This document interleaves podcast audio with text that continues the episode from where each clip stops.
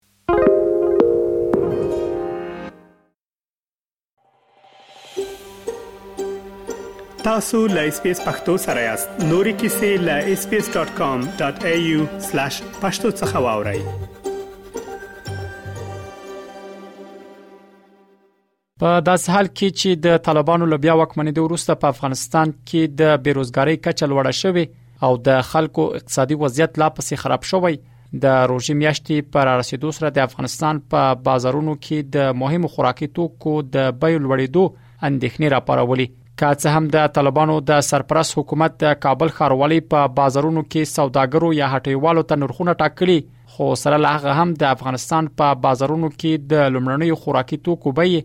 د پخوا په پرتله لا لوړې شوې دي یو شمېر افغانان په بازارونو کې د خوراکي توکو لوړو بیو اندېښمن کړي او په خبرې سوداګر د روژې په مبارک میاشت کې د خلکو له مجبوریت په استفادې په احتکار لاس پورې کوي او د توکو بیل وړوي چې دوی د اخیستو توان نه لري له دې ډلې ځینو هغوی له اس بي اس رادیو سره په خبرو کې وویل چې د کابل ښاروالي لوري په نرخنامې او بازار څار نه درلودل د دې لامل شوی چې سوداګر او دوکانداران په خپل سر اجناس وپلوري چې روزه راشي او څه نرخونه جګي هر شای رومي چارک 500 روپۍ دي پیاز چارک په 100 روپۍ اوس او نیم سل ته ختلې دي ځکه انډیوال هم داسې هر شای کچالو ترکاری وار شاید اصل لګ ګران ګرانیږي تر هم دا شاید چې شي نرخنامه ور کړی باید لږه جګ خرڅ نه کی خو بیا هم چې روزه راشي یا یو ورځ روزه ته پاتې دوی هر څه ګران کی یا دوه ورځې لوی ورځ له روزه تیر شي رخصتې په خاطر له مارکیټ به څو خو بازار کې هر شي زیات شي به بیرته نرخ راټیټي یو روزه راتک سره هر شي جګي ټول شی قیمته سوی دي وروره نرخونه ټول پورته سوی دي موږ له امارات له امینه دا خواهش ده چې په دکانداران نرخنامې توزیع کړي ترڅو هر څه کنترول پې وکړه نرخنامې ورکړي کنترول نه پې لري هر څوک په خپل زړه خرڅي په هر ریټ چې زړه و مغو په ریټ یې ورکوي بس دا مې له امارات اسلامي نه خواهش ده چې نرخونه کنترول کړه ښاروالۍ نه چې وګرځي کنترول ولري په سهار کې. د کابل ښار یو بل اوسیدونکی تمیم هم وایي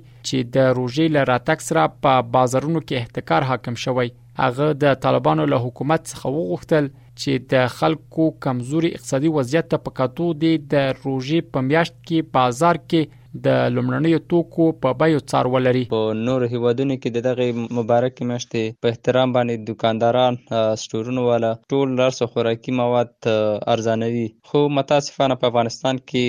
دغسې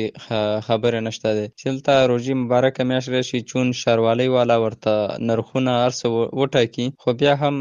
دکانداران ورسره تفاهم نه لري او هماغه سودا سوچن قیمته خرڅي سره لدې چې د کابل ښار اوسیدونکو په بازارونو کې د لومړنیو خوراکي توکو له لوړو بیو اندېښنه لري خو د طالبانو د سرپرست حکومت د کابل ښاروالۍ بیا وایي دوی به ټاکلي او په منظمه ډول یې بازار کې تطبیقوي د کابل ښاروالۍ ویان نعمت الله بارکزي اس بي اس رادیو ته وویل ل تیر یو نیم کال را پدې خو دوی هټیوالو ته نخنامې توزیع کړي چې په هغه کې 10 قلم مواد شامل دي او چا ته د دې اجازه نه ورکوي چې خوراکي توکي په لوړه بیه وپلوري. کابل ښاروالۍ تقریباً یو نیم کال اضافه کېږي چې په کابل ښار کې نرخنامې توزیع کوي او د یو کمېسیون ریاست په غاړه لري چې په نامه د کمېسیون منع انتقال او کنترول قیام دی چې الحمدالله په ټول کابل کې دا تر یو نیم کال اضافه کېږي چې موږ نرخونه کنترولوو او هغه نرخنامه چې ټاکل کېږي هره اونۍ په هغه کې تقریباً دېرش کلن موارد دی چې هغه په ټول کابل کې سره تطبیق کېږي او د دې په تطبیق کې مختلف ارګانونه په شمول د کورنیو چارو وزارت، استخبارات ریاست ستر محکمې وزارت تجارت اتاقای تجارت او د دغه اصنافو چې دغه اجناس موږ په نخنامیک د دغه اصنافو ټولو مشران مثلا د قصابان د صنف مشر د ارت پروشانو د تنکتیل والا او د ورج والا او د ټول د اصناف مشر هم زموږ سره ستا نو الحمدلله نرخونه کښته سوي دي تاسو به تر معلومیر چې زموږ کرنسي هم په ښه وضعیت کلا لري او کابل ښاروالي په 22 ناحیو کې 22 عملیات تنظیم مارکیټ هالر چې په بازارونو کې جلا د چې نرخونه کنټرولوي کمیت او کیفیت د اجناسو هم ګوري او ان شاء الله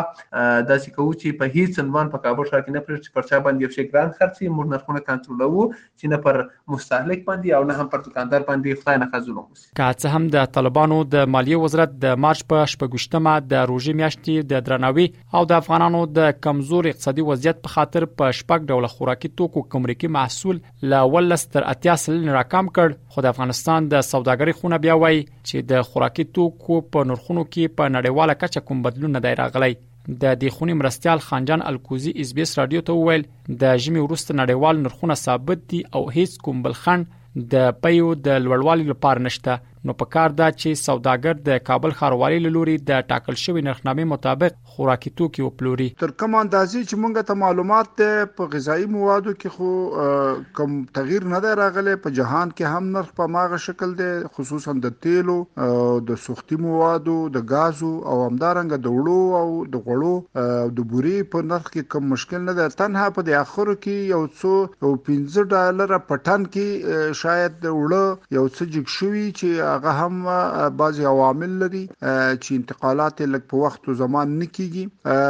سبزی قیمته شوې ده صحیح ده چې زمونږ خپل سبزی نشته دی رومي او پیاز قیمته شوې دي اما نور شیان اصولا باید قیمته نه وي او هغه نرخنامه چې شاروالي جوړ کړی ده مطابق دا غي باید دکانداران خپل مواد خرج کړي افغانستان کې د روژې په میاشت کې د خوراکي او غیر خوراکي توکو د بیل ولواړی موضوع نوې خبره نه ده ځکه هر کال د افغانستان خلک له دې ستونزې شکایتونه لري خو سهکال دوی په داسې حال کې د خوراکي او غیر خوراکي توکو د بیو د لوړوالي شاهدان دي چې د بشري حقوقو د نړیوالو سازمانونو د شمیرو لمخې په افغانستان کې تر نیمایي ډیر نفوس له فقر، بیکاری، ناامنۍ او اقتصادي ستونزو سره لاس او ګریوان دي. رحیم الدین وریاخیل، اس بي اس رادیو، افغانستان.